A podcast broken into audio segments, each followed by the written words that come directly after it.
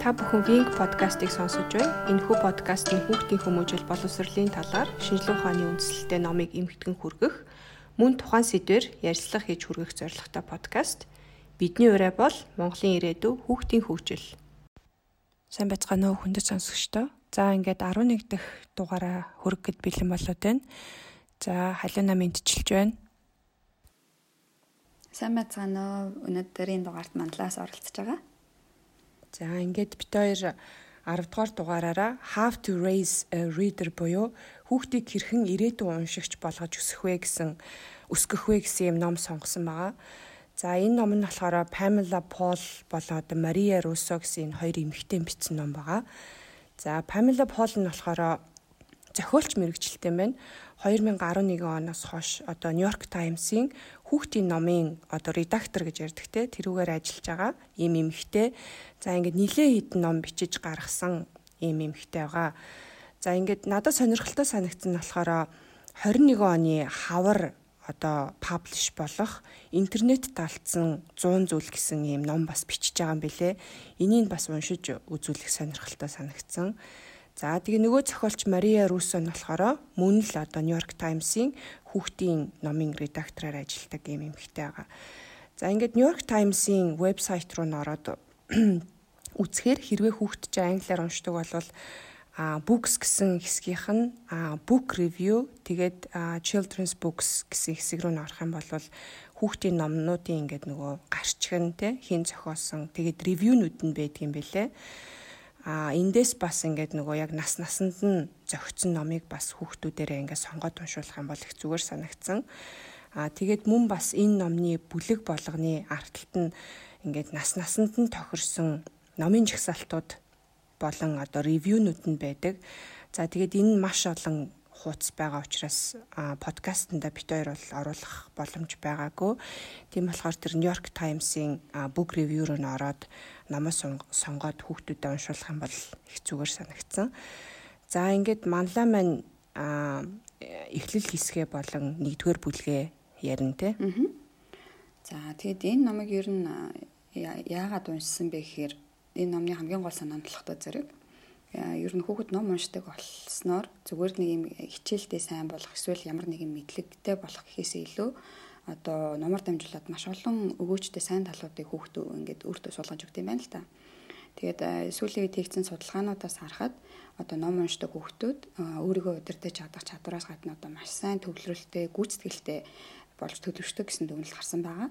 За тэгээд эдгээр нь одоо өөрийнхөө сэтгэл хөдлөлийг зохицуулах анхаарлаа төвлөрүүлэх хэрхэн зориг мөрөөдөлтөд хүрэх нь одоо туслах үндсэн чадваруудын одоо гол цөм суурь нь болдог учраас ер нь бол одоо хүүхдэд үндсэн ийм амьдралын суурь бэлтгэлийг хангах нэгэн хэсэг болох чадварыг номоор дамжуулж хүүхдүүдэд олгож болох нэ гэсэн санаа бол одоо манай энэ гол номын зорилго байгаа. Тэгээд бүх одоо энэ бүлгүүдэд цаашдаа хитээс хитэн настад нь ямар ямар техникээр хүүхдүүдтэй ном уншуулах уу, ямар ном байвал зөвөр үү, эсрэгээр нь ямар зүйл төр ээж аваад бид нар анхаарах ёстой гэд нэлээд ийм практик тал руугаа айгүй амьдралд хэрэгжүүлэхэд ойрхон төлөвтэй ийм санаануудаар тусгаж өгсөн юм ном байсан. За тэгээд миний тухайд гэх юм бол 1 болон 3 дугаар бүлгийн тухайд ярина. За нэгдүгээр бүлэгт нь болохоор дөнгөж төрснөөс одоо хөлд ор хүртэлх одоо бяцхан уншиж гэдэг хэлэх юм уу те энэ насны хүүхдүүдтэй яаж одоо ном уншуулах, номтой яаж танилцуулах уу, номыг яаж уншиж өгөх үү гэдэг талаар ярина.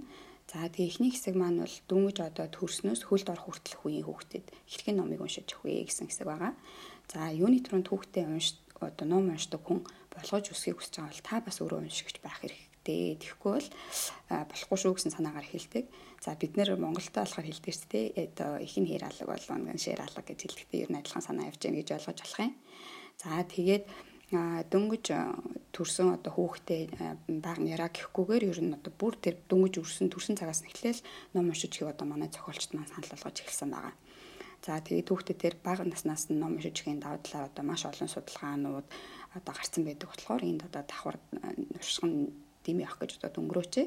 За тэгээ хүүхд хэдий баг гэхгүй ч гэсэн ерөөхдөө ингээд 3 сартаагаас ээж авах уншиж байгаа үйл хөдлөлт ерөөхдөө хариу үзүүлээд эхэлтэй тэгэхээр бид нар нэлээд сайн анхаарал ажиллаад үзэх юм бол тэд нар хөрхөө ойлгодог байна гэсэн үг. За яаж ойлгодог вэ гэхээр одоо бидний уншиж өгч байгаа дуу хоолой а түүний одоо номон дээр гарч байгаа заавчлаа таны дуу хоолой түүний хоолойны чинь өнгнөөс эхлээд л ерөөхдөө хүүхдүүд мэдэрч эхэлдэг гэсэн үг. За тэгэхээр манай ээж аавд бол ер нь ямар ном юу уншиж өгөх вэ гэхээс илүүтэйгээр ээж аав нь тэр одоо унших гэсэн одоо процесс оролцож байна гэдэгт дээрээ илүү одоо чухал илүү ач холбогдол өгөөрэй. За тэгээ хүүхд маань юунд илүү анхаардаг вэ гэхээр одоо тэр номын одоо хууз зэрүүлж байгаа дуу те тэр ном дээр гарч байгаа зураг бидний одоо бид нар чинь нэлээ юм дүр оруулж уншиж өгдөг шүү дээ. Одоо арслан гарч ирж ээж гэх юм.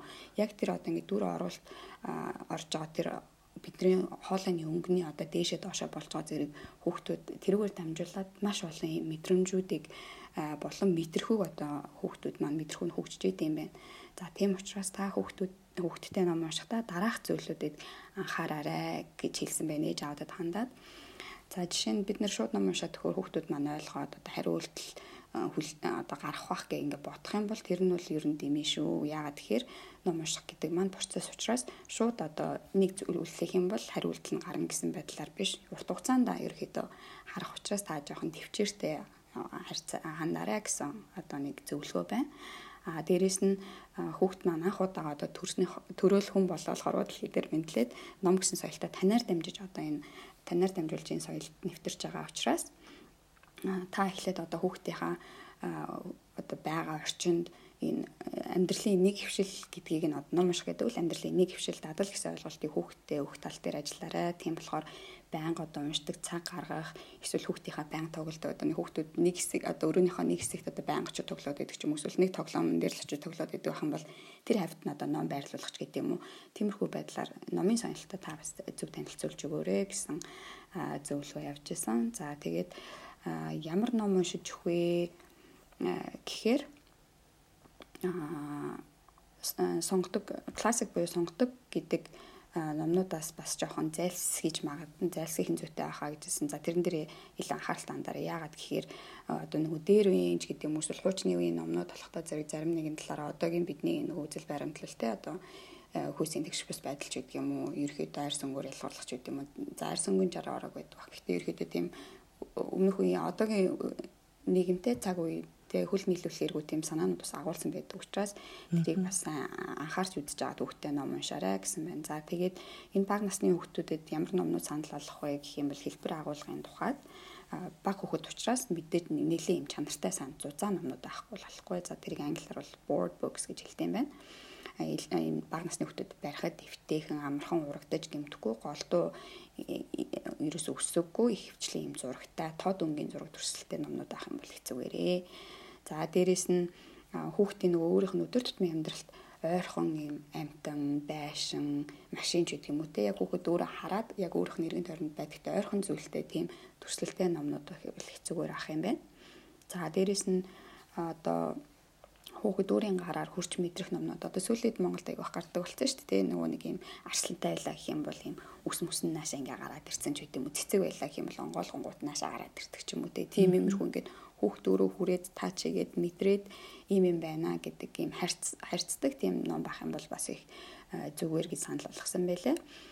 За дээрэс нь мэдээж баг одоо манай жоох хүмүүс юм чи мэдээж номоо уурн тастан амандаа хийн янз бүрийн номнууд байгаа учраас болж игэл тийм сайн чанартай тийм сайн ном аваарэ гэсэн мэсэн. За тэгээд анхаарах зүйл нь гэх юм бол хит их амир дүр дүр зурагтай те хит их амир тод өнгөтэй эсвэл амир хүсэгтэй ч юм уу тийм номнууд бол ер нь дэмий байдаг гэсэн. Тэрэн дээр мэдээж одоо тайлбарууд нь мэдээж ойлгомжтой авах гэж бодож байна.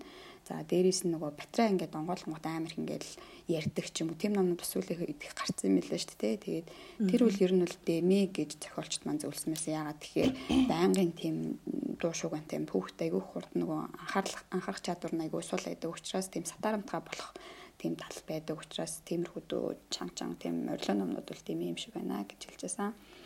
За дараагийн энэ бүлгийн маань дахиад нэг хэсэг нь болохоор дахиад энэ зохиолч маань нөгөө хоёр хэсэгт хуваацсан байсан.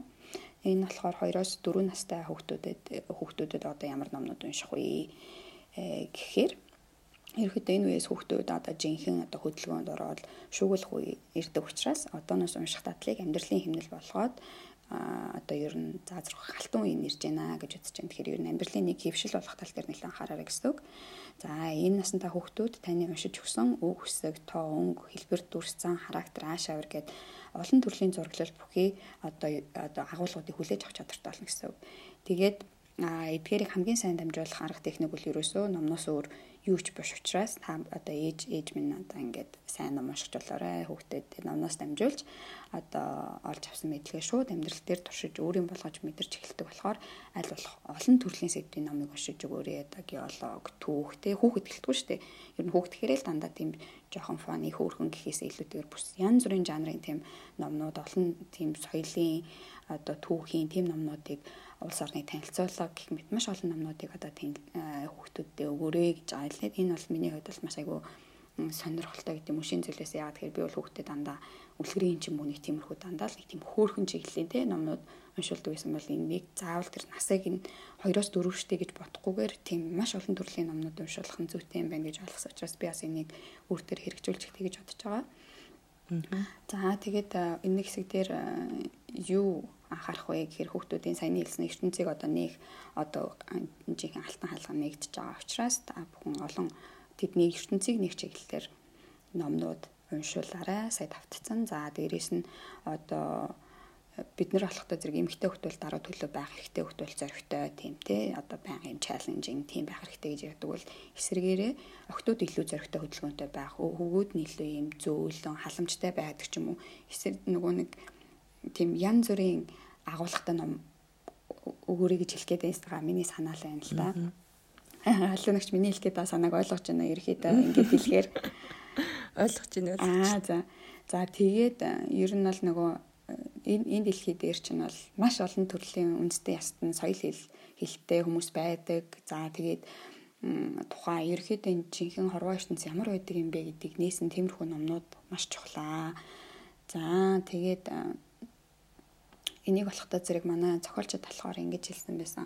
Ер нь ном уншихдаа хүн нөгөө нэг өөрийгөө толтож байгаа юм шиг. За энийг яг гоё хэлж чадахгүй нэ яа гэм лээ. Аа өөрийгөө ер нь талент харж байгаа юм шиг бас цонхоор харж байгаа юм шиг байдлаар аливаа номнуудыг уншдаг гинэ. Одоо жишээ нь тэр ном дээр өөрийнх нь тухай гарч байгаа юм бол өөрийгөө яг талент харж байгаа юм шиг санагддаг. А эсрэгээр нь цонхоор гэх юм бол бусад хүмүүсүүдийн амьдралаа ийм байт юм байна гэд өөрийгөө нөгөө иймэрхүү байдлаар хоёр өнцгөр ерөөхдөө хүмүүс номоор дамжуулж ертөнцтэй танилцтай юм байна л та. Тэгэхээр энэ насны хүүхдүүдэд ерөөхдөө нь өөрийнх нь тухай гарч байгаа номнууд ч одоо юу гэдэг нь тийм Монголын Монгол орныхоо түүхийн байд юм эсвэл Монгол Монголынхоо тухай номнууд уншингаа давхар бас өөр өөр улс орнуудад ийм ийм хүмүүс эдгийг шүү гэдгийг ойлгох юм бол а би бас энэ том хорвоо ертөнцийн нэг хэсэг юм байна. А давхар натаас гадна бас өөр юм хүмүүс байт юм байна. Бид нэр ерөөсөн ийм том ертөнцийн нэг хэсэг юм байна гэсэн ойлголтыг авахгүй бол ганцхан л өөрийнхөө орны тухай би би гэсэн бодолцсон бол хитрхи нөгөө эготой хүмүүс олчдаг. Аа тэгэхээр ер нь энэ хорвоо ертөнц бол маш юм бүрэн удан дэлгэр шүү гэдгийг үзүүлэхийн тулд иймэрхүү хоёр өнцгөр харж уншаарай гэсэн юмсан. За тэгээд энэ 2-4 настай хүүхдүүдэд уншихад одоо одоо юунуудыг ямар ямар типсүүд байж болох вэ гэхээр аа за тэр ном унших нөгөө дадалтай олгоорой гэсэн чинь энэ энэ насны хүмүүс маш их нөгөө амьдралын хөвшил суулгаж өгөх хамгийн чухал үе нь болохтой зэрэг. Жишээ нь ороо бид нэр хөвчлэн нөгөө унтахаас өмнө ном уншуулдаг уншуулад байдаг те. Тэгчээд л тийм ширүүс энэ амьдралын нэг хөвшил учраас өдөр тутмынх нь өдөр зүгээр хоол идныхаа дараа ч гэдэг юм уу тогсныхаа дараа ч гэдэг юм уу 5-10 минут унших ч юм уу зүгээр л тэрийг нэг заавал ном унших гэдэг нэг юм амар хэцүү юмар ойлгоод авахгүйгээр зүгээр л амьдралынхаа нэг шиг өдөр тутам би хийдэг гэсэн тийм ойлголттой болохын тулд хүүхдээ ер нь ээж аав бид нар л тусалж өгөх хэрэгтэй. Тэгэхээр одоо ингээд гадуур гарахтаа ч гэдэг юм уу те одоо машинаар хэрвээ удаан явдаг байх юм бол зөвхөн тань ганц хоёр ном хийж аваад түжрийн зогсож явахдаа миний хүнийг хардаа гэд өчтдөг ч юм уу. Тиймэрхүү өдөр тутмынхын амьдралын нэг хэсэг болоход нь одоо ээж аавд манд туслаарай. Тийм боломжийг бүтээж өгөөрэй гэсэн байсан. За тэгээ одоо ном уншихад зөвлөмжүүд одоо өгчээ. Тэгэхээр бид нэр хүүхдийг их гоё тухтай байрлалд сууж агаад одоо яаж унших юм өөр дээрээ авч агаад номоо өөр өөртөөхөө нүрлөө харуулж агаад гэх юм уу эсвэл хөвтөж агаад хоёлаа зэрэгцэж хөвтөж агаад ном уншиж юм өөр өөртөөхөө тийм тухтай байрлалыг нь олох их чухал гинэ. За дээрэс нь номоо уншихдаа зүгээр шууд ингээл онгоолгоод уншаад явчих биш номынхаа гарчийг нь яг зөв уншиж өгөөд хин гэдэг зохиогч энийг битсэн ямар хүн зураглаачаар нь ажил тийм гоё зургуудыг ингэж энэ номон дээр гаргасан ингэж ингэж юу яах юм гинэ хүүхдэд бас нэлээд танилцуулж номоо бүр яг бүрэн дүрэн гоё ингэж танилцуулж унших хэрэгтэй гинэ. За ингэхээр яадаг вэ гэхээр хүүхдүүд нөгөө өөрийн гэсэн за би тим тим зохиолчийн ном дуртай ч гэдэг юм уу эсвэл энэ хүний зураглал нь гоё ч гэдэг юм уу. Тиймэрхүү яг өөрийн гэсэн нөгөө номтой харьцах нэг төр калчерт суралцж байгаа л та хүүхд маань багасаа. Би л энийг өстэй хэрэгжүүлдэг юм байна. Харин тийм би бас яг тэгж бодсон байхгүй. Би шууд онгоолгоод за нэр мэдээж тайтлаар уншин тэ. Тэгээд тэр зохиолч мохиолч бүр ерөөс анхаарахгүй шууд ингээл ингээл явцдаг. Тэсэн чинь энэ дээр бол маш нэлээс анхаарах хэрэгтэй гэжсэн. Тэгэхээр би бас одоо энийг томтоогоо ярих томтоогоо ном уншихтаа бас хэрэгжүүлнэ гэж бодож байгаа. Баг маань жоохон шууд нөгөө номоо онгоолгоод дотгошоо орчгүй гэдэг. Тэгэхээр энэ дэр жоохон ажиллагаа хэрэгтэй юм шиг байгаа. За дээрэс нь зүгээр л ингээл уншаа да да да гэд нэг тоноор яваад авахгүй мэдээж дүртэй орон төрслөлтэй үйл хөдлөлтөй уншина. Аа тэгээ энэ бас айгүй хөөрхөн байсан нөгөө ном уншихдаа бид нэр өөртөө уншиж болохтой зэрэг өөртөө номынхаа нөгөө пэйжийг эргүүлээ явчихдаг шүү дээ. Тийм биш. Хүүхдэрээ гоё ингээд ном уншилаа. Тэр нөгөө нэг процессыг ном уншиж байгаа да хүүхдээ бас ингэж оролцуулах юм маань тэд нар бас аа би бас хийж байгаа юм байна гэсэн хөөрхөн тийм итгэв санаачлахтай болт юм байна л та. За тэгээ ном уншихдаа өөрөө уншдаг фейсер юм амар хурдан хурдан уншихгүй хүүхдэд зориулж уншиж байгаа учраас мэдээж нэлээд юм алгуурхан юм ойлгомжтой байдлаар уншина.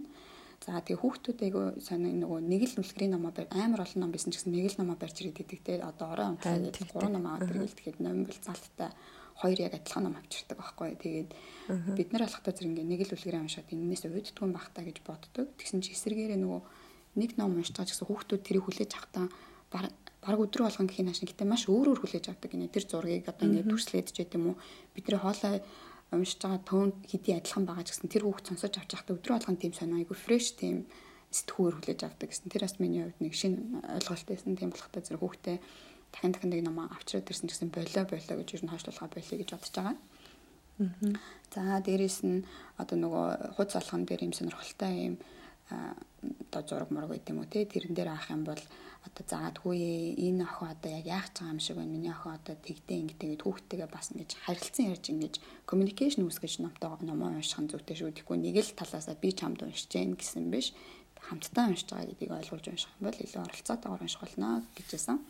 За дээрэс нь гэрээ одоо номын сан бодлого буюу ерөөхдөө ингэ хидийдж байсан хаач цаа ингээд ном байж хаар нөхцөлийг бүр тэрнээс зүгээр ингээд амар том шкафт ингээд бам бам ингээд дөрөв тавьчих биш ер нь одоо хаана л хэдийн те хүүхдүүд хаана их гүйж гин тэр хэсэгт нь ингээд номнууд байрлуулад аль болох нүдэнд нь олон ном харагдахаар те ном бол тийм байхаар ер нь ном гэрээ одоо юу ягаараа зохицуултыгээрээ гэсэн байсан.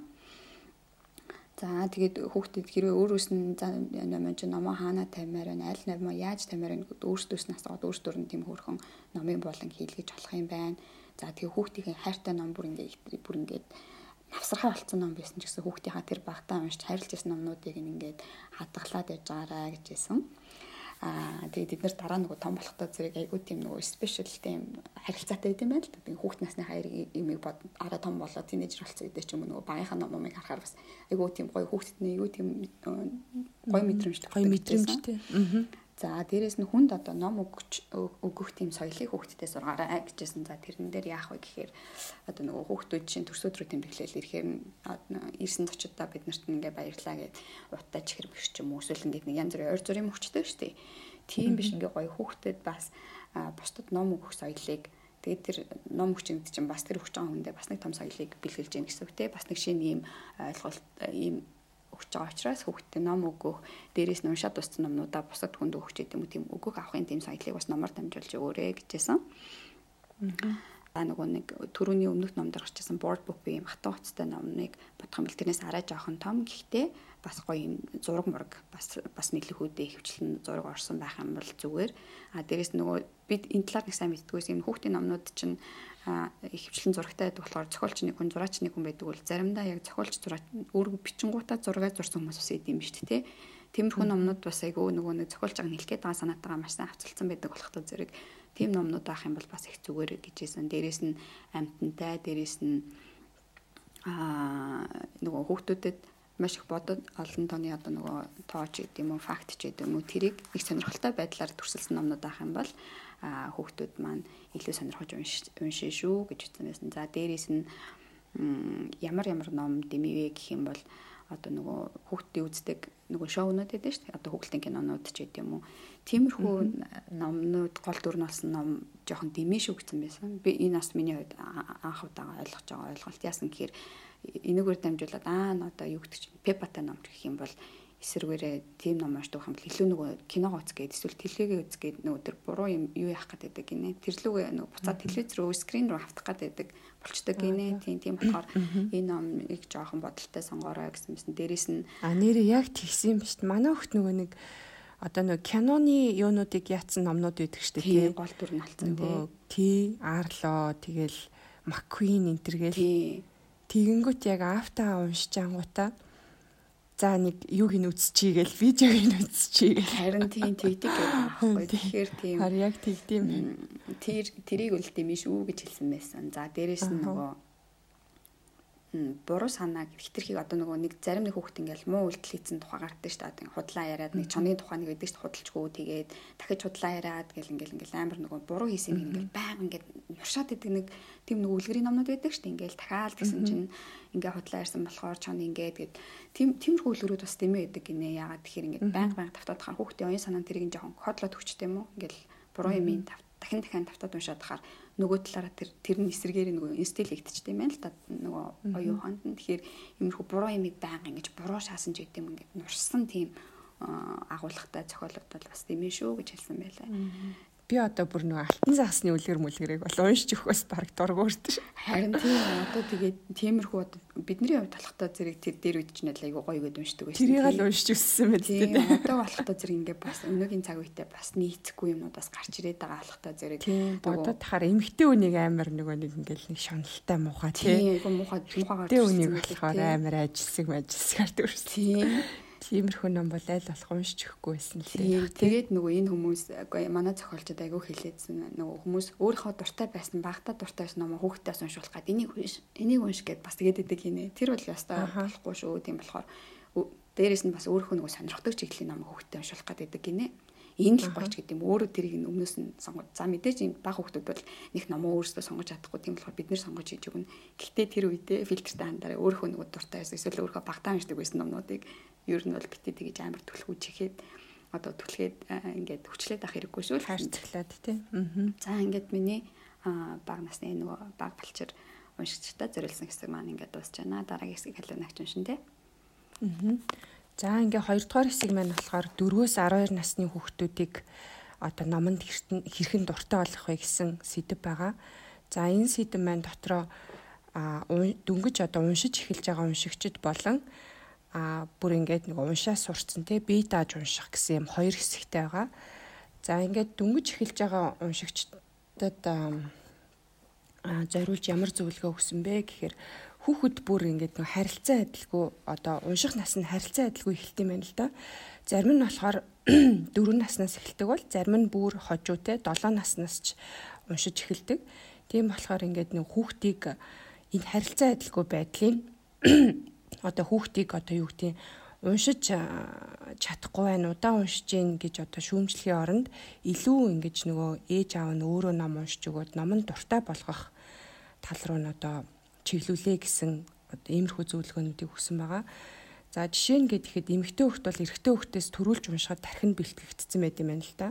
Тэгэхээр одоо юу гэдэг нь одоо ихччин ийм хурдан тэдэн настаа уншиж сурсан бахад манай энэ эрэгтэй хүүхд оройтч юм гэдэг юм уу. Тиймэрхүү хандлагаар ерөөсөө хандаж болохгүй гэж зөвлөсөн байгаа. За тэгээд мөн багш нар ингээл нөгөө яг нэгдүгээр ангид ороод эхлэнгүүт За ингээ манай ангийнхаа айгу мундаг унш чинь танаа хүч жоохон хоцроод ийн ч гэдэг юм ингээл эцэг ихээ санаа нарыг санааг нь бас айгу их зовоогоод идэг. Тийм болохоор ер нь бусад хүүхдүүдтэй хүүхдээ битээ харьцуулаач ээ гэж хэлж байгаа. За тэгээд ер нь бол хүүхдийн оюун ухаан тодорхой шатанд хөгжөөд ирэхээр юмыг кодчлах за тэгээд ингээд ажиглах чадвар нь дагаад хөгжиж юм хөгжд юм байна л да. За тэгээ энэ чадвар суусны дараа хүүхдийг уншиж сургах хэрэгтэй гэсэн бас юм судалгаанууд байд юм байна. Жишээ нь Германд гэхэд хүүхдийг 6 болон одоо 7 наснаас нааш уншуулж юусоо огт сургадаггүй юм байна. За мөн Скандинавын орнуудад 7 наснаас эхлээд унших хичээл ордог тий. За тийм болохоор ер нь болоогүй буюу цаг нь болоогүй хүүхдийг уншуулж сургах гэж хичээхийн оронд ягаад тэгэхээр тархин нөгөө бэлтгэгдээгүй байдаг учраас одоо тэрийг уншуулт сурахын оронд илүү одоо нөгөө хийх чадвартай тооч байд юм уу, шинжлэх ухаанч байд юм уу, урлаг, хөгжим за ингээд нөгөө нийгэм шигтэй илүү их тоглоом тоглуулах ч гэдэм тиймэрхүү хичээлүүдийг нь бага наснд нь илүү түлхүү заах хэрэгтэй гэж зөвлөсөн байгаа. За тэгээд эцэг эхчүүд хамгийн түрүүнд ер нь манай хүүхд хоцорж байгаа юм биш үү гэсэн айцаа өөрсдөөсөө авч явах хэрэгтэй. Яагаад тэгэхээр тэр хүүхдийн унших чадвар гэдэг бол танин мэд хүн болон бие махбодын чадварын хоцрогдолтой ямар ч уялдаа холбоо байдгүй юм байна л да. Тэгэхээр бол а жишээ нь одоо манай охины цэцэрлэг гэхэд бүр дөрөв наснаас нь ингээд уншихыг зааж эхэлж байгаа байхгүй юу. Өсгнүүдээ ингээд үе үеэр нь холбуулаад тийм Тэгэл нөгөө сая онлайн хичээл орохоор л би анзаарлаа л да. Тэгээ зарим хүүхдүүд нь болохоор айгүй ингээд мундаг уншаад тэгээ манай охин болохоор нөгөө нэг өөрөө нэг ингээд сайн уншиж чадахгүй болохоор тэр айгүй мундаг уншаад тахад би яагаад уншиж чадахгүй байгаа юм бол гэдэг ингээд айгүй юм нөгөө сөрөг мэдрэмж авч байгаа байхгүй. Тэгэхээр одоо ингээд юу гэдэг хүүхдүүдийг хооронд нь өрсөлдүүлэх ч юм уу тиймэрхүү мэдрэмжийг бүр ингээд айл их дөрөв наснаас нь өгөөд эхэлж байгаа гэдэг бол надад жоохон бас а жоохон ээж хүний хувьд бас жоохон сонин санагдсан л та. Тэгэхээр ер нь бол одоо юу гэдэг нь тэр цэцэрлэг сургууль нь эрт уншуулт сургадаг бол одоо тэр нь цэцэрлэг сургуулийн л одоо үүрэг те. Харин та гэртээ ирэхээрээ хүүхдтэйгээ одоо юу гэдэг манай хүүхд тоцорж байгаа болохоор хоёул энийг яс уншиж ч гэдэг юм уу? Тэгэж хүчлэхээсээ илүү а одоо ям хүүхдээ ингээд ном уншиж өгөөд те сониуч зан одоо ямарваа нэг юмыг эрен хайх тэр хүсэл эрмэлзлийг нь одоо ээж аав нь төрүүлж өгөх нь илүү одоо бидний үүрэг гэдгийг энэ бүлэг дээр илүү түлхүү хилээд байгаа юм л та. За тэгэхээр ер нь бол хүүхдтэйгээ унших уншлагын цагийг илүү ингэж таата болгож те хүүхдээ номон тайртай болгох талаас нь а илүү одоо ээж аав нар нь оролцох хэрэгтэй гэсэн байгаа. За тэгээд хэрвээ ингээд нөгөө ном уншаад эхлэхээр хүүхдтэй ингээд хооронд нь үе холбоол тий а ингээд унш зурж байгаагаа ингээд нөгөө ээж авдаа мэдгтэл бас нэг ганц хоёр үг мүг ингээд хилээл сонирхол эхлээл яг тэр үеийн болохоор та яг catch хийгээд тий а ном уншуулах одоо ном уншуулт сургах тэр тийш нь одоо чиглүүлэх хэрэгтэй гэсэн байгаа.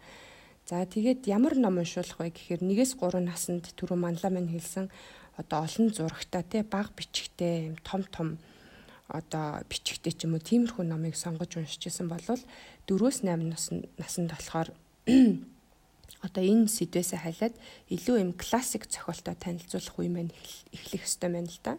Жишээ нь одоо номон дээр болохоор Chocolate Factory гэдэг нөө шоколадны үйлдвэр гэдэг ном байдаг те.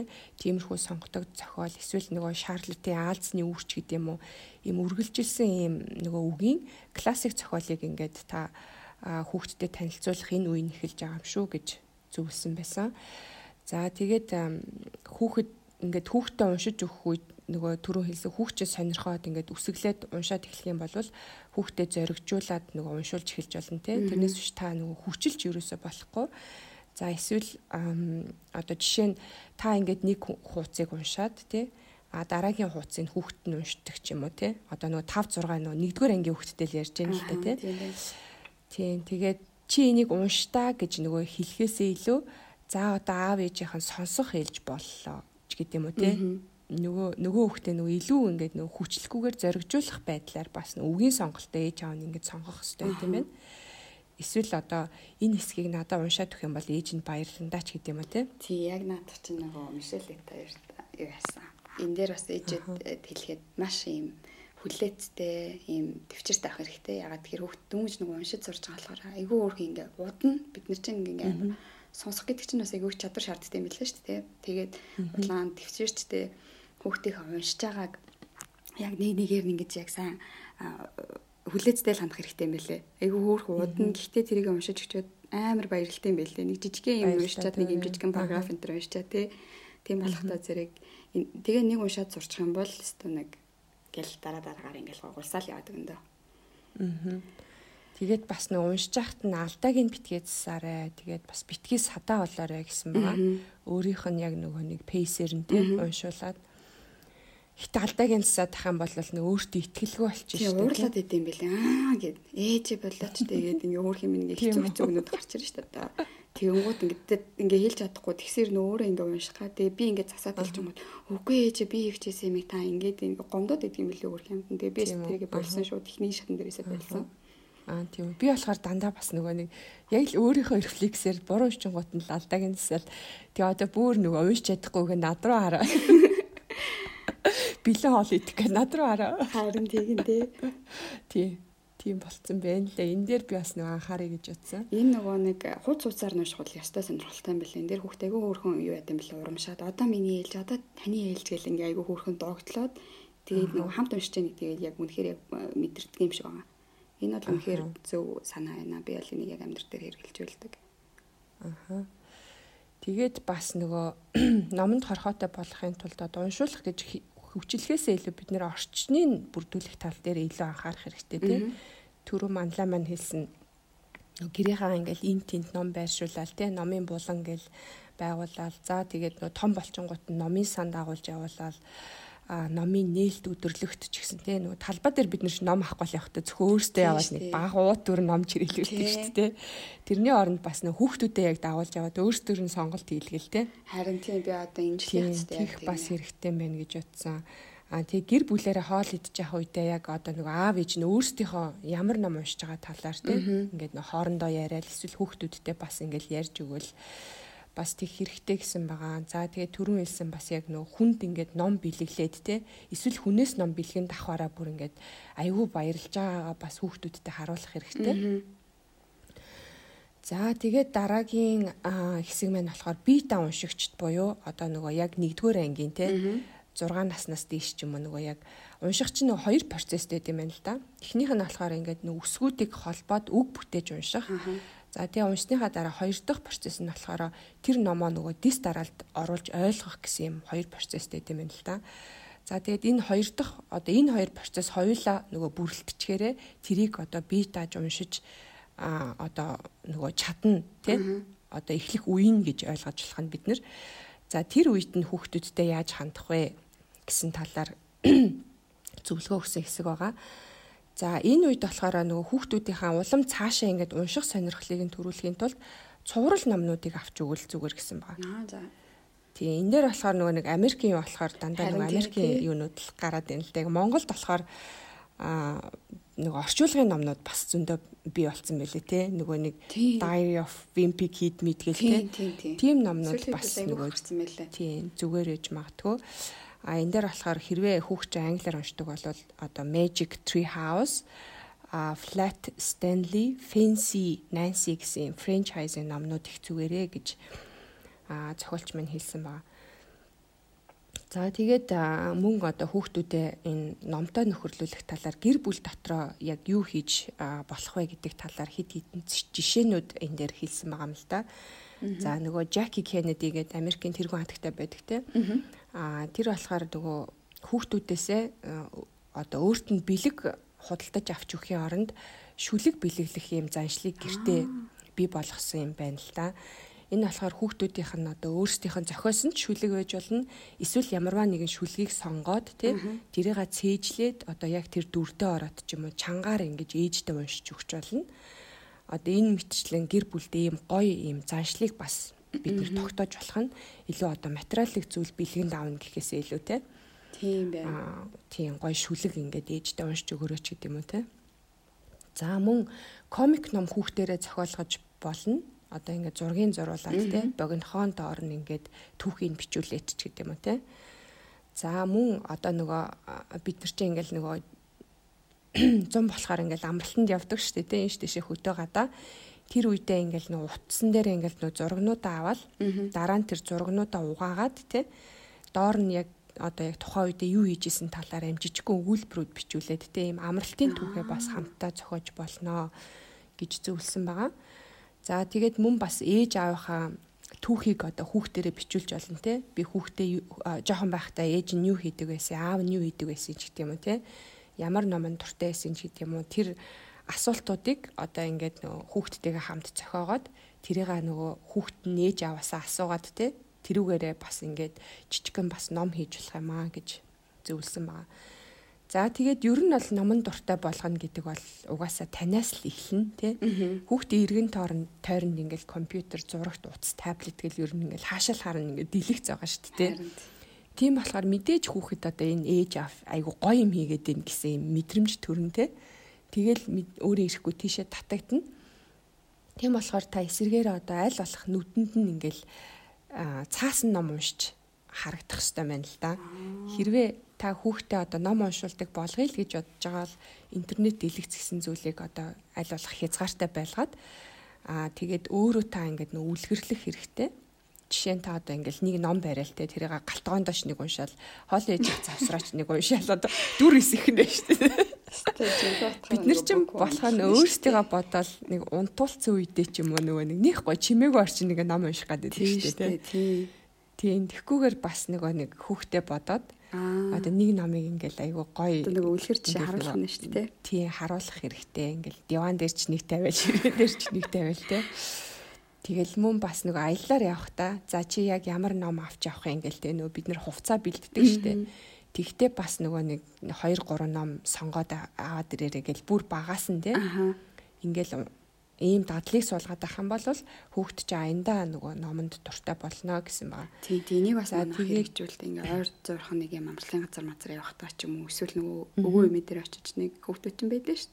Тэр үед нь заавал ингээ хөрхөн цүнхэнд нь өөр нь 3 3 номыг өвөө явуулдаг байхгүй юу?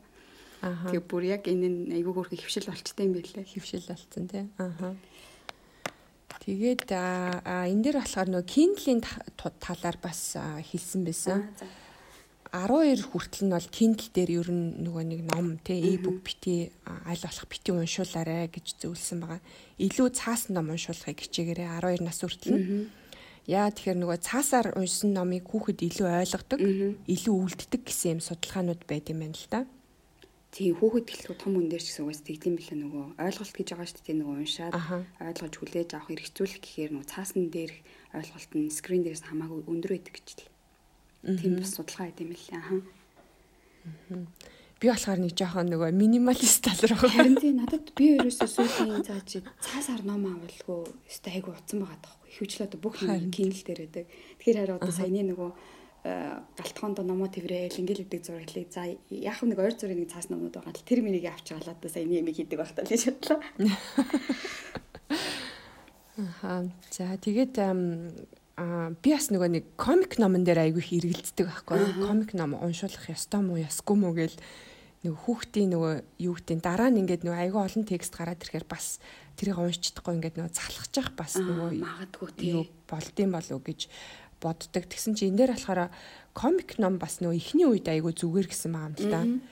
Яа тэгэхээр нөгөө хүүхд чинь ингээл уншаал айгу хурдан дуусчин тий. Тэгэл дараагийнх номыг авч аваад уншин. Тэгэхээр нөгөө нэг юм дадлыг унших дадлыг хүүхдэд бас суулгадаг. Тийм болохоор эхний үед бол бас ингээд комик ном уншуулж хүүхдийг номны амтанд оруулах бас зүгээрээ гэж бас зөвлөсөн байсан. Аа за за. Тийм тэгээд ном болгоо ер нь өөрийн гэсэн нөгөө нэг дандаа сургамжийг агуулдаг тий.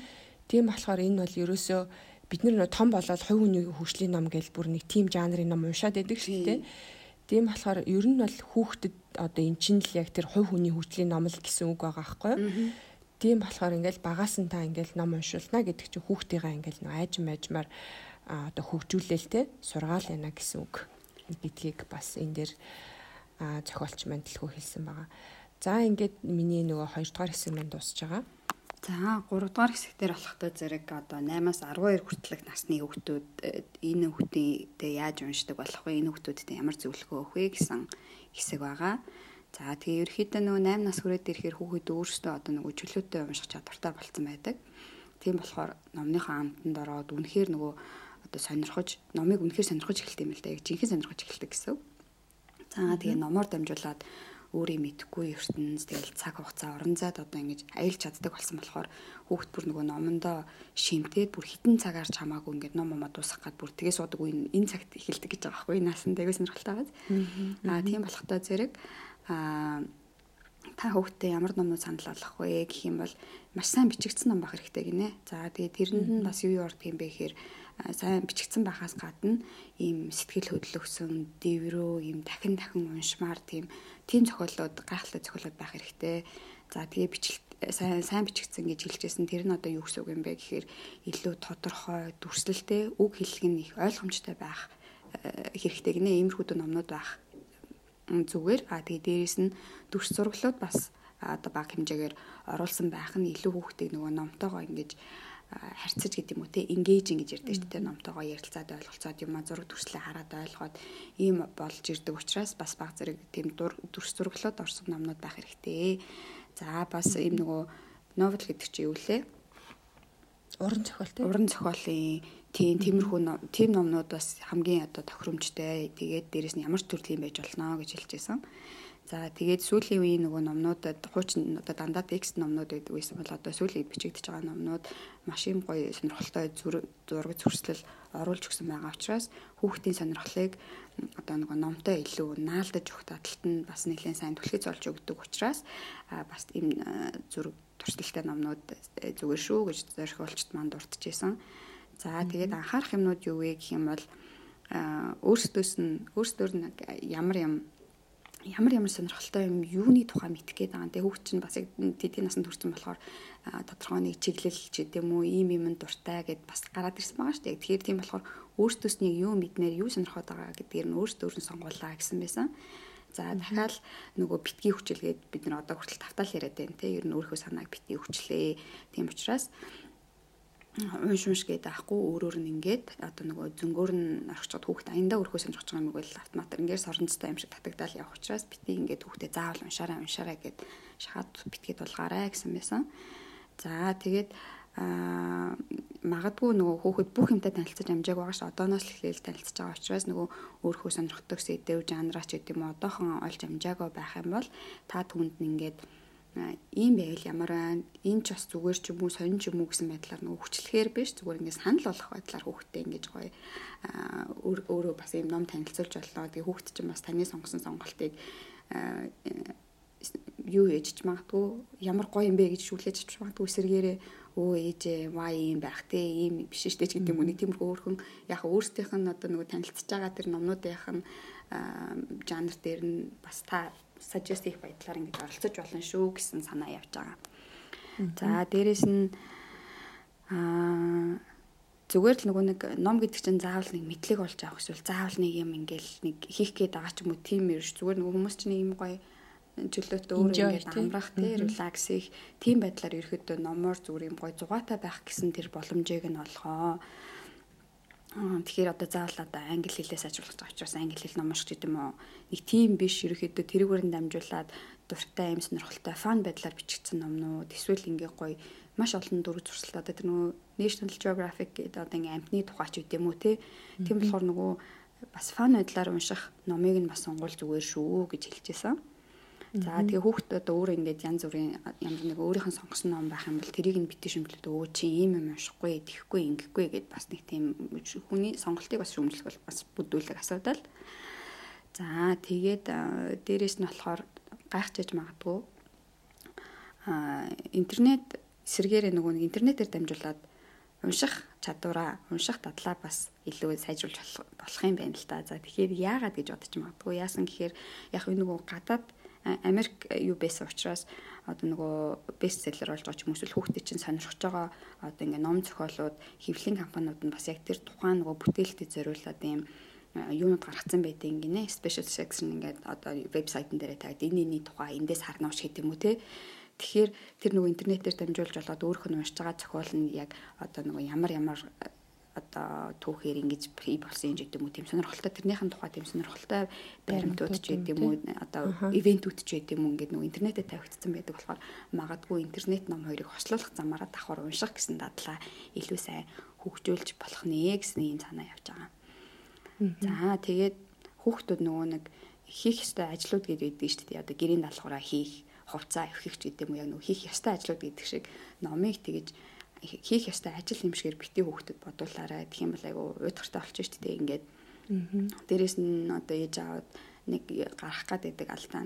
За чи тэдэн минут номоо уншичаад энийг хийж гэдэг юм ингээд нөхцөл шаардлага тавиад байдаг. Тэр бол байж болохгүй. Ягаад гэхээр ном бол өөрийнх нь зүгээр л өдөр тутам хийдэг амьдралын нэг хэсэг үе дадал байх хэрэгтэй. Хүүхэд дээрээс нь ном уншихтаа дурлаж, шохорхож ингэж амтанд нь орж хийх ажил болохоос биш ингээд нэг хийх ёстой ажил юм шиг ингээд тэгж хүлээж авах ер нь бол ёсгүй учраас бити хүүхдээ тэгж шахаарай гэж хэлсэн байсан. За дээрэс нь а энэ бас аягүй сонирхолтой байсан. Нөгөө хүүхд унсан ном маа хүүхд нөгөө нэг шүмж одоо критик гэж хэлдэг шүү дээ. Нөгөө нэг уншчаад за энэ ном нь ямар байсан хэрвээ чи одоо ингээд нэгээс 10 оноо хөрөлөл юу гэж юу ямар оноо өгмөр байна юунд таалагдаад юунд таалагдсангүй энэ номын одоо энэ зохиолч ингэж хэлж байгаа санааг чи юу гэж бодож байна гэдэг хүүхдтэй нөгөө шүүмжлэлт тийм уншигч болгоо сурах одоо суурийг энэ насн дээр нь бас тавиарэ гэжсэн. Тийм энэ насыг юу байгаад бид нар одоо том болохоор бол гэдэг юм эсвэл дараа насанд хүрэнгуудаа юмны учир ойлгож ирэнгуутаа л хийх үе гэж бодож байдаг бол бүр 8-аас одоо энэ 12 настай үеийн хүүхдүүд ч гэсэн иймэрхүү шүүмжлэлт байдлаар одоо номдоо шүүмжлэх сурна гэдэг бол бас миний хувьд бол бас айгүй шинэ юм эсэн тэгэхээр хүүхдүүдээ бас энэ наснд нь очихоор тэгэж сургая даа л гэж бодож байна. За дээрэс нь А за одоо тэгээ юунд анхаарах хэрэгтэй вэ гэхээр насыг нь бодолцоод ингэдэг гинэ нөгөө номон дээр чинь яг 10 настай хүүхдэд зориулсан ном ч юм уу эсвэл 8 настай зориулсан ном гэж байхгүй. Ерөөдөө энэ насныхны чинь ингээд ангилчтай юм шүү дээ. Тэдээс тэд нас гээд. Аа. Тийм болохтой зэрэг нөгөө хүүхдэд ном уншиж авчих агуулгыг нь маш сайн хараад энэ яг миний одоо 10 настай хүүхдэд тохиромжтой ном юу гэдэг насных нь юг нь анхаараарай гэж авд хэлжсэн. Аа за тэгээд нөгөө сэр буюу цуврал номнууд бас энэ үед бас нэлээд юу гэж таны өмнөх бүлэгтэр бас хэлжсэн тий цуврал номнууд энэ энэ хэсэгт бас санал болгоно гэжсэн. Яг энэ 8-аас 12 настайханд ч гэсэн энэ хിവэрэ бид юм шиг байна. За дээрэс нь фантаз буюу нөгөө уран зөгнөлт төсөөлөн бодох чадварыг нь бас хөгжүүлэхийн тулд ийм фантаз номнууд их зүгээр гинэ.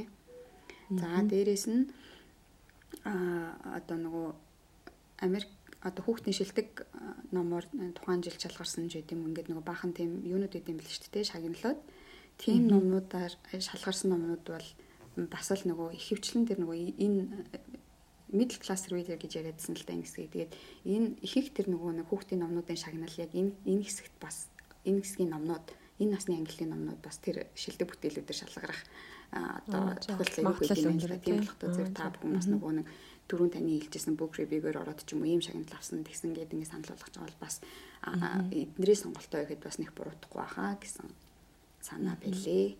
За тэгээ ерөөдөө миний 3 дахь хэсэг бол ингээд өндөрлж байгаа. За. За тэгээд дөрөвдүгээр хэсэг маань болохоор өсвөр насны хүүхдүүдийг одоо хэрхэн чиглүүлэх вэ гэсэн талаар бүлэг байгаа. За өсвөр нас гэхээр 13-аас 19 наснуудыг бид нэр ойлгож байна те. За энэ үед болохоор хүүхэд илүү нөгөө нэг одоо юу гэдэг ээж аваасаа үг сонсгоосоо илүү найз нөхдөөсөө ч юм уу те хүрээлэн байгаа нөгөө одоо гэр бүлийнхнаасаа бусад хүмүүсээс илүү их нөгөө юу авдаг шүү дээ зөвлөгөөч гэдэг юм уу те эсвэл тэднийг дуурайх ч юм уу тийм хандлага маш их ажиглагдаж эхэлдэг үе. Тийм болохоор бас ном нь одоо тэдний рол модель нь болж ах юм бол те. Аа. Илүү одоо нөгөө хүүхд юу гэдэг илүү одоо урам зориг авах ч юм уу тийм одоо үе юм байна л та. Тэгэхээр ер нь бол уран зохиол хүүхдэд хүүхдийн одоо одоо юу гэдэг уран зохиолын гол дүрээс нь хүүхэд илүү нөгөө ихийг суралцаж тий урам зориг авт юм байна. Тэгэхээр энэ үед болохоор хин нэгний одоо намтрыг нь унших эсвэл одоо тэр хүн шиг болох гэсэн тий тэр мөрөөдлийг хүүхдүүдэд өгдөг. Эсвэргээрээ одоо зохиол дээр жоохон зэвүүн дүр гарах юм бол энэ хүн шиг болохгүй юм шүү ч гэдэг юм тий тиймэрхүү сургамжийг одоо бас ном маань өгч идэг. Тийм болохоор ер нь бол 13-аас 19 нас гэдэг бол номоор дамжуулж хорвоо ертөнцтэй танилцах маш чухал нас байдаг. За тэгээ энэ насны хүмүүс мэдээж өөрсдөө сонголтоо хийн тэ. Ээж аавын оролцоо багасч эхэлнэ. А гэхдээ энэ дээр бол аав ээжийн оролцоо мөн чухал үүрэгтэй хിവэрэ байна гэсэн байгаа. За ямар үед нь ээж аав нь тусал дэмжих вэ гэхээр а ном сонгоход нь эсвэл одоо худалдаж авахд нь тий туслах хэрэгтэй а мөн одоо яагаад уншихаа болчих вэ гэдгийг нь бас хянаж те чиглүүлж сэтэлжүүлж өгч явах хэрэгтэй байна л да. Аа. Шууд ингээл нөгөө хүчлэхгүйгээр те ерөнхийдөө анзаарах нь шүү дээ хүүхдээ. За энэ ойрд яагаад нөгөө ном уншиж ирсэн уншихаа болж байт гэдэг юм уу те энэ яг шалтгаан нь юу байна гэдэг юм уу те тэрийг бас анзаарч явах хэрэгтэй. За тэгээ энэ насн дээр болохоор эцэг их нь мөн л одоо хүүхдтэйгээ хамт номын дэлгүүр орох те эсвэл онлайнаар уншдаг юм уу сонсдог номыг худалдаж авч өгөх. За тэгээ хүүхдээ номын клуб дийлсүүлэх одоо тиймэрхүү талаар нь дэмжих хэрэгтэй. А мөн ярианда аль болох те номын талаар оруулж одоо ярих хэрэгтэй. Ямар ном одоо чөлөө цагаараа уншиж байгаа талаар нь сонирхоод тий а хүүхдээсээ одоо юу гэдэг найз нөхдийн байдлаар одоо чи яг ямар ном уншиж гин гэдгийг асууж сонирхож явах хэрэгтэй гэсэн байгаа. За тэгээд багтаа айгүйх ингээл ном уншиж ирснэ гинт ингээл өсвөр наснд ороод ирэнгүүт бас ном уншихаа болдог үе бэд юм байна л да. Яа тэгэхээр энэ үе дээр бол хүүхдүүд илүү найз нөхдөдөө цагийг өнгөрөөх гэдэг юм уу эсвэл илүү ингээд нөө шинэ ертөнцтэй танилцах эсвэл бие бэлтрийн болон сэтгэл зүйн одоо маш олон өөрчлөлтүүд энэ насанд явагддаг. Тийм учраас одоо ихэнх энерги нь одоо энэ зүйлүүд рүүгээ зарцуулагдаад ном унших юм сонирхолгүй ч юм уу эсвэргээрээ цаггүй ч юм уу бас яг юм болдог үе юм байна л да. Тэгэхээр бас нөгөө нэг хүүхд мэн одоо гинт ном уншихаа болчингууд нэцгийхэн санаан зовоол тий. Тэг хэрэггүй бас ингээд нөх хүлээцтэй төвчээртэй одоо ингээд нөгөө нюансыг л яг олж харьцах хэрэгтэй юм байна л да энэ үед нь. Аа тэгээ хүүхдээ яаж сэтэлжүүлэх вэ гэхээр бас нөө сонирхож магадгүй гэсэн номыг худалдаж аваад өрөөнд нь ингээд тавих ч юм уу унш гэж хүчлэхгүйгээр те өрөөнд нь тавих ч юм уу. Эсвэл нөгөө илүү юм триллер одоо жанрын те илүү сонирхолтой юм шин төрлийн урд нь уншиж байгаагүй тийм номнуудын санал болгох ч юм уу тиймэрхүү байдлаар бас хүүхдээ сэтэлжүүлж болно гэсэн байгаа. За тэгээд энэ насанд болохоор бодит хүмүүсийн намтруудыг уншвал илүү гоё тийм мотивац тэгээд тэр хүнээс үлгэр дуурайл авна гэсэн байгаа. За хэрвээ ингээл хүүхд чинь компьютер дурлаад ингээл компьютерт ингээл хамаг цагаа өнгөрөөгөл хэлдэг шүү дээ тийм. Тийм байвал та нөгөө Стив Джобсын намтар ч юм уу эсвэл интернетийн түүхийн талаар одоо бичигдсэн тийм. Тиймэрхүү номуудыг санал болгож болно. Одоо нөгөө компьютер хэтэрхийх ухаатай гэж нөгөө байн гуглахээс илүү одоо компьютерийг ашиглаад хүн ямар юунд те а одоо юу гэдэг үр дүнд ч гэдэг юм уу ямар амжилтанд хүрч болохын гэдэг талаар нь сэтэлжүүлэхийн тулд одоо Стив Джобсын намтрыг авч өгдөг ч юм уу. Тиймэрхүү байдлаар одоо хүүхдтэйгээ харьцах нэ. За тэгээд энэ өсвөр насны хүүхдүүд болохоор ямар ном санал болгох вэ гэхээр дөрөв хэлсэн одоо ийм бодит амьдралтай илүү ойрхон номнууд те За эсвэл бүр ингээд маш ийм өргөн хүрээг хамарсан ийм зохиолууд тий сонгодог зохиолууд эсвэл одоо урлагийн уран зургийн ийм фотографик номнууд. За тэгээд science fiction гэдэг одоо шинжлэх ухааны ийм уран зөгнөлттэй ийм номнууд байдаг шүү дээ. Тиймэрхүү номнууд. За тэгээд бас ингээд нөх хөөхөн хөөхөн бас Монголд номнууд гардаг болсон байл шүү дээ. Охтуудын унших ном, өсвөр насны хөвгүүдийн унших ном ч гэдэг юм уу тийм байсан. Одоо яг нөх хэрэгтэй цагт нь одоо хэрэгтэй нөгөө номыг бас унших тал дээр нь уншуулах тал дээр нь одоо эцэг их нь бас анхаарч өгнэ. За ингээд ерөнхийдөө ном маань аа дуусж байгаа. Таван бүлэгтэй байгаа. Тав дахь нь болохоор дандаа л нөгөө номнуудын жагсаалтайгаа болохоор бид хоёр бас энэ нөгөө подкастн дээр ярьсангүй. За манлаа чамд ном уншаад яг ямар санагдсан бэ? Яг авч хэрэгжүүлэх зөвлөгөөнүүд нь юу байв? Тэгээ надад энэ нөгөө нэг нас насных нь англиар ингээд юу яатсан. Бид нар чинь нөгөө ном унших гэхээр нэг л арга байдлаар ч үгүй юм уу байдаг шүү дээ тий. Яг ингэж нас насныхаа хүүхдийнхаа энэ энд нь зориулаад ингэж ингэж одоо ном сонголтод хэрэг болмоор юм байна. Миний оролцоо энэ үед нь хүчтэй яжсэн. Энэ үед нь одоо миний нөлөөлөл дараа багасах юм байна ч гэдэг юм уу. Иймэрхүү дөө нөгөө нас насныхны онцлогт тохируулаад хуваацсан байсан айгүй сонирхолтой байсан. Тэгээд яг нөгөө нэг амьдралд шууд хэрэгжүүлж болох айгүй энэ нөгөө амархан ном байсан учраас шууд ингээд өдөр тутмынхаа амьдралд хэрэгжүүлээд явах айгүй тийм боломжийн боломжийн санаанууд өгсөн байсан. Энгийн хэрнээ бас хэрэглэхэд айгүй амархан тийм их ойлгомжгүй санаанууд биш амар нөгөө өөрөө яг нөгөө хэлсэн шиг маш ийм энгийн тод бичигдсэн ном байсан. Тэгээ би бол яг одоо нөгөө хүүхдүүд маань одоохондоо эхний л нөгөө нэг баг уушигчд үе баг насны уушигчд гэсэн ангилт явж байгаа учраас бас нөгөө тухайн нас наснд тохируулаад энэ энд номон дээр гарч байгаа зөвлөгөөнүүдийг бас баг багаар хэрэгжүүлээд явах нь зүйтэй болоо гэж бодсон. Тэгээд бас нөгөө санал болгож байгаа номнууд нь надад айгүй гоё амар санагдсан хэрвээ яг аа за энэ номнуудыг бас хараад үзэх зүгээр юм байна гэдэг. За яг бидний хувьд нэг сул тал нь нөгөө англи дээр байгаа учраас энд хэлж байгаа бүх номнуудыг уншиж авч өгөөд хүүхдээ уншуулах нь хэр бас жоохон хязгаарлагдмал зүйлүүд байгаа учраас одоо сүүлийн гарсан Монгол дээр гарсан одоо тэр айгүй гоё нөгөө зураглал ихтэй номнууд байгаа даа шүү дээ. Тэр номнуудаас л илүү ингээ гоё англитай монголтой хослуулаад хүүхдэд авч өгье гэж бодож байна. Аа. Танай хоёр гэхдээ бас англи дээр ном уншичдаг бах тий. Тий, одоо номын жил уншина гэж араа болааг бол байгаа. Хин яг нэг уншиж өгөхөд бол хөөрхөн сонсоод байгаа. Мишэл бол ерөөхдөө уншаад эхэлсэн. Тий тэгэл яг одоо нөгөө нэг хөөрхөн юунда одоо би бодож байгаа дандаа одоо хүрсэн чинь нэг юм нөгөө story буюу нэг үлгэр маягийн номнууд их байсан аахгүй. Одоо би тэрэн дээр нэмээд илүү юм сайенстай дээрэс нүрэ айгүйх динозавр энэ төр сонирхоод байдаг аахгүй. Тэгэхээр тиймэрхүү дүү ч юм уу нэлээд танин мэдхүү түүхтэй тиймэрхүү номнуудаар жоохон баяжуулж өгье жанрыг нь илүү гоё өргөн хүрээндэл болгоё гэж сая ойлголоо ерөөхдөө. Чи ном уншихад нь хэр хүчилж байна? Аа эхний үедээ бол би яг тийм хүчлээд байдаг байсан. Тэгээд яг нөгөө ажиглаад ахаар юу яат юм бэл. Яг тэр өдөр тутмын дадал болно гэдэг үл яг үнэхээр үний юм байна. Аа дээрээс нь тэр эргэн тойронд ном манайх бол ер нь жоохон ингээд энэ тийм миний номнууд чи материалууд тэр ерөөхдөө манайх айгүй юм номнууд ерөөхдөө хөглөөлж яадаг байхгүй. Тэгэхээр тэр бол яг үнэн юм бэлээ. Тэгээ хэдийн ингээд жоох хүүхдийн номж томч бай ингээд номнууд байгаа. Дахад нэг харахад би заавал бишэлээ чи уншаарай гэж хэлээг байхад чимээг болсон байж байгаа нь харахаар хөрх ингээд суудсан уншихгүй байлаа гэж зүгээр зургийг хараад ч юм ингээл дууга ингээ хараад айгүй хөрх номтой ном дээр ингээ сууж байгаа байхгүй. Тэгэхээр ерөөхдөө бол ингээд өөрт нь бол ингээ хөрхөн суугдсан л байгаа юм байна гэж би хараад байгаа. Дундаас нь амар их нөгөө телевиз үзүүлэх ч юм уу компьютер ч юм уу тийм юм аа л ингэж нөгөө тасалдуулахгүй байл гэж бодож байгаа. Тэрэн дээрээ л анхаарч байгаа. Аа. Аа би болохоор хүүхдтэй орой болгон за 6 мургаан сартаагаас нь ч илүү эхлээд нөгөө ном уншиж өгдөг гэсэн аахгүй. Аха. Тэгэл айгүй хурдан хилд орчд юм лээ ном уншихаар, ном уншиж өгöd тахаар. Тийм нэг настай л баг хилд орсон шүү дээ манай хоёр чинь. Тийм үү. Тэгвэл аягүй их байна тий. Тийм. Тэгэл одоо болохоор нөгөө нэг яг нэгдүгээр анги Тэгээд нөх амар нөгөө нэг унш гэж хүчлэхгүйсэн ч гэсэн айгу хурдан нөгөө нэг уншаа сурчт юм лээ.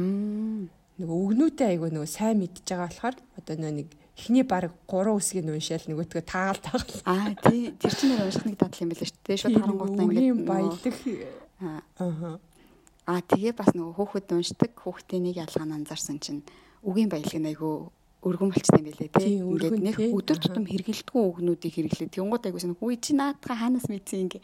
Одоо жишээ нь ингээд Мишель цариндаа ярьчангуудаа perhaps гэлээгүй нийтдээ тэгж ингэж ярьдаг байхгүй. Бид нар хизээч нэг тэгж ярьдаг шүү дээ.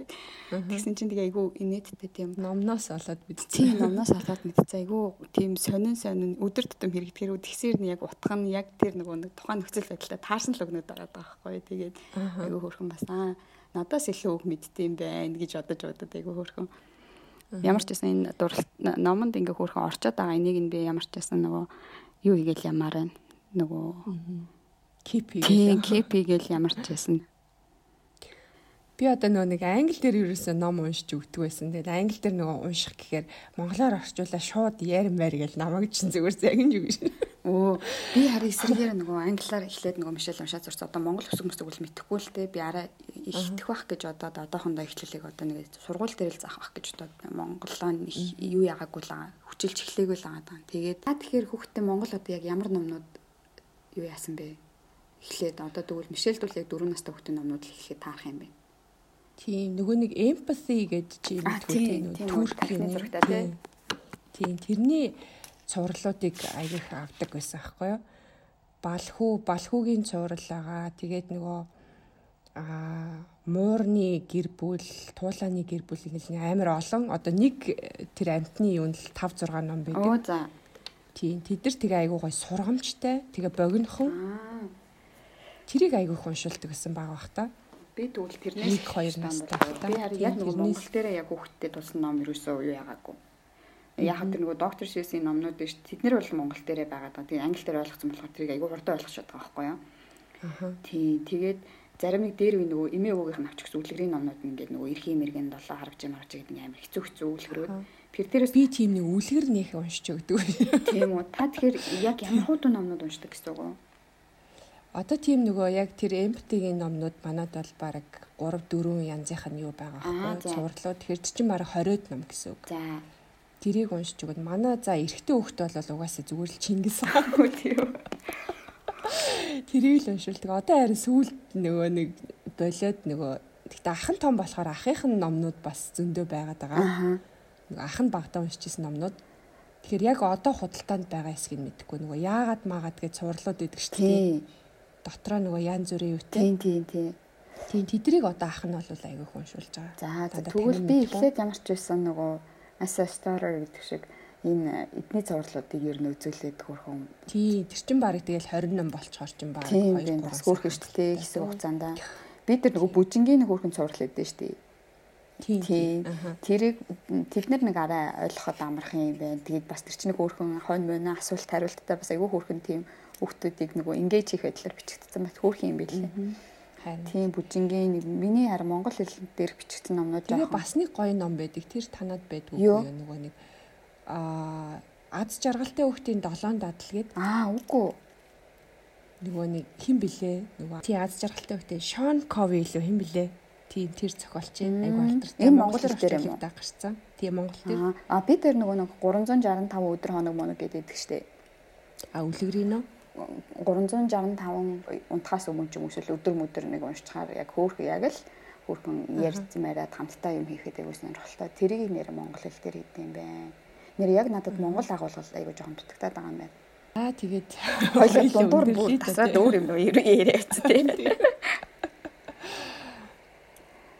За ингээд э, бит хоёрын 10 дугаар дугаар маань хүүхдээ хэрхэн уншуулж одоо уншуулж сургах вэ биш хэрхэн одоо уншигч болгох вэ гэсэн ном байгаа тийм.